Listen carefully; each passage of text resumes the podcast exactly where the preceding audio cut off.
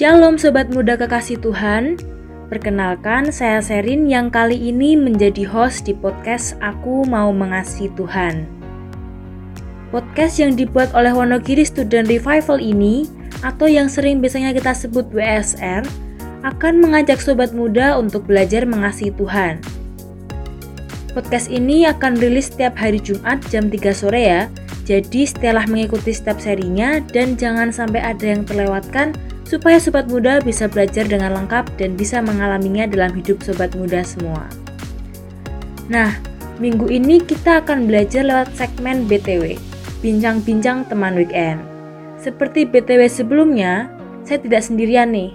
Saya akan berbincang-bincang dengan tamu spesial untuk bisa belajar bersama. Siapakah tamu spesial kita kali ini?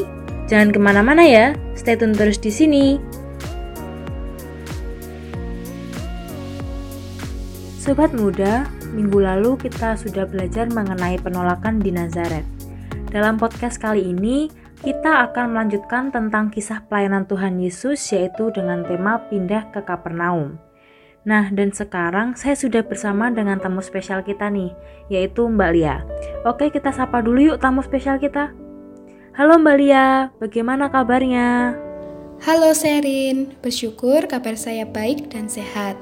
Saya harap Serin dan sobat muda semua juga dalam keadaan yang baik dan sehat ya. Bersyukur kabar saya juga baik dan sehat Mbak Lia.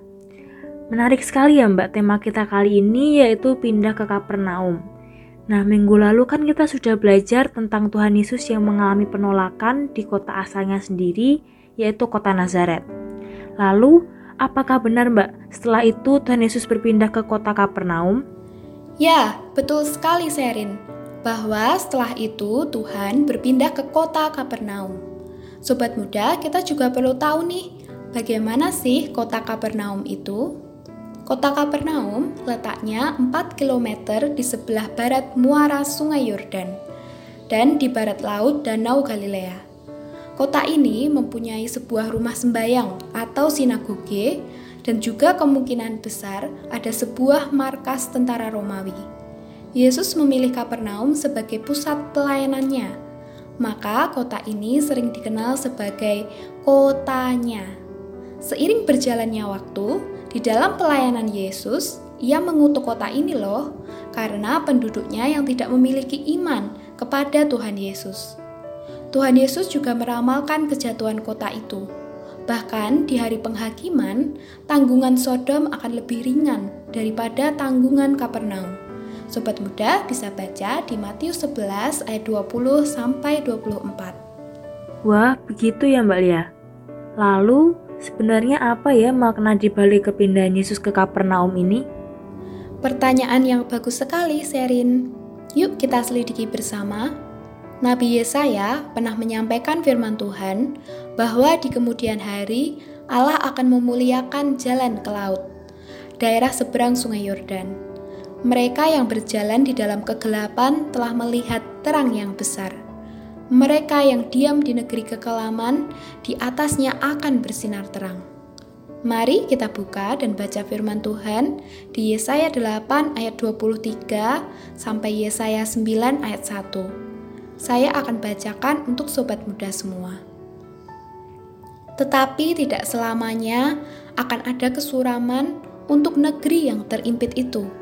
Kalau dahulu Tuhan merendahkan tanah Zebulon dan tanah Naftali, maka di kemudian hari ia akan memuliakan jalan ke laut, daerah seberang sungai Yordan, wilayah bangsa-bangsa lain bangsa yang berjalan di dalam kegelapan telah melihat terang yang besar. Mereka yang diam di negeri kekelaman, atasnya terang telah bersinar. Nyata bahwa Tuhan Yesus menggenapi firman Tuhan yang disampaikan Nabi Yesaya tersebut. Dari keadaan ini, menggambarkan pula bahwa dari tempat itu Tuhan Yesus akan ke berbagai tempat membawa dan menyatakan terang Meskipun di sisi lain ada fakta bahwa alasan kepindahan Yesus juga karena penolakan yang dia terima di Nazaret. Artinya bahwa Injil itu bukan barang murahan. Saat Injil ditolak, celakalah orang yang menolaknya. termasuk juga penolakan orang-orang kepada sang pemberita Injil itu. Wah, begitu ya, Mbak. Menarik sekali bahwa apa yang Tuhan Yesus lakukan adalah sebuah penggenapan dari apa yang tertulis di dalam Perjanjian Lama. Nah, lalu apa sih yang bisa kita pelajari dan renungkan dari peristiwa yang dialami Tuhan Yesus ini, ya, Mbak?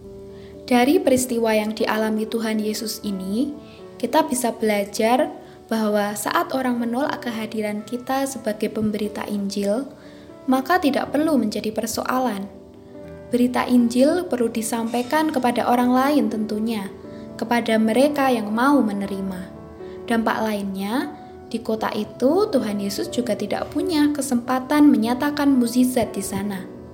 Memang Tuhan Yesus tidak pernah mempertentangkan mana yang lebih utama tentang mukjizat dan pemberitaan Injil. Namun yang pasti, saat pemberitaan Injil ditolak, mujizat juga tidak akan dialami. Iman seseorang bukanlah berdasarkan apa yang mereka lihat, tetapi jauh lebih dalam dari itu, iman yang sejati berdasarkan apa yang didengar dari Tuhan. Nubuat Nabi Yesaya bukanlah sesuatu yang dipaksakan oleh Tuhan Yesus.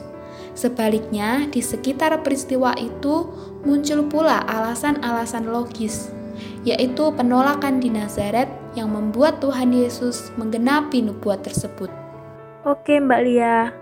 Wah, menarik sekali ya perbincangan kita kali ini. Terima kasih Mbak Lia untuk penjelasannya. Kiranya perbincangan kita kali ini memberkati sobat muda semua untuk tetap setia memberitakan Injil. Tuhan Yesus memberkati Mbak Lia. Sama-sama Serin. Tuhan Yesus juga memberkati Serin dan sobat muda semua. Sampai jumpa di lain kesempatan ya.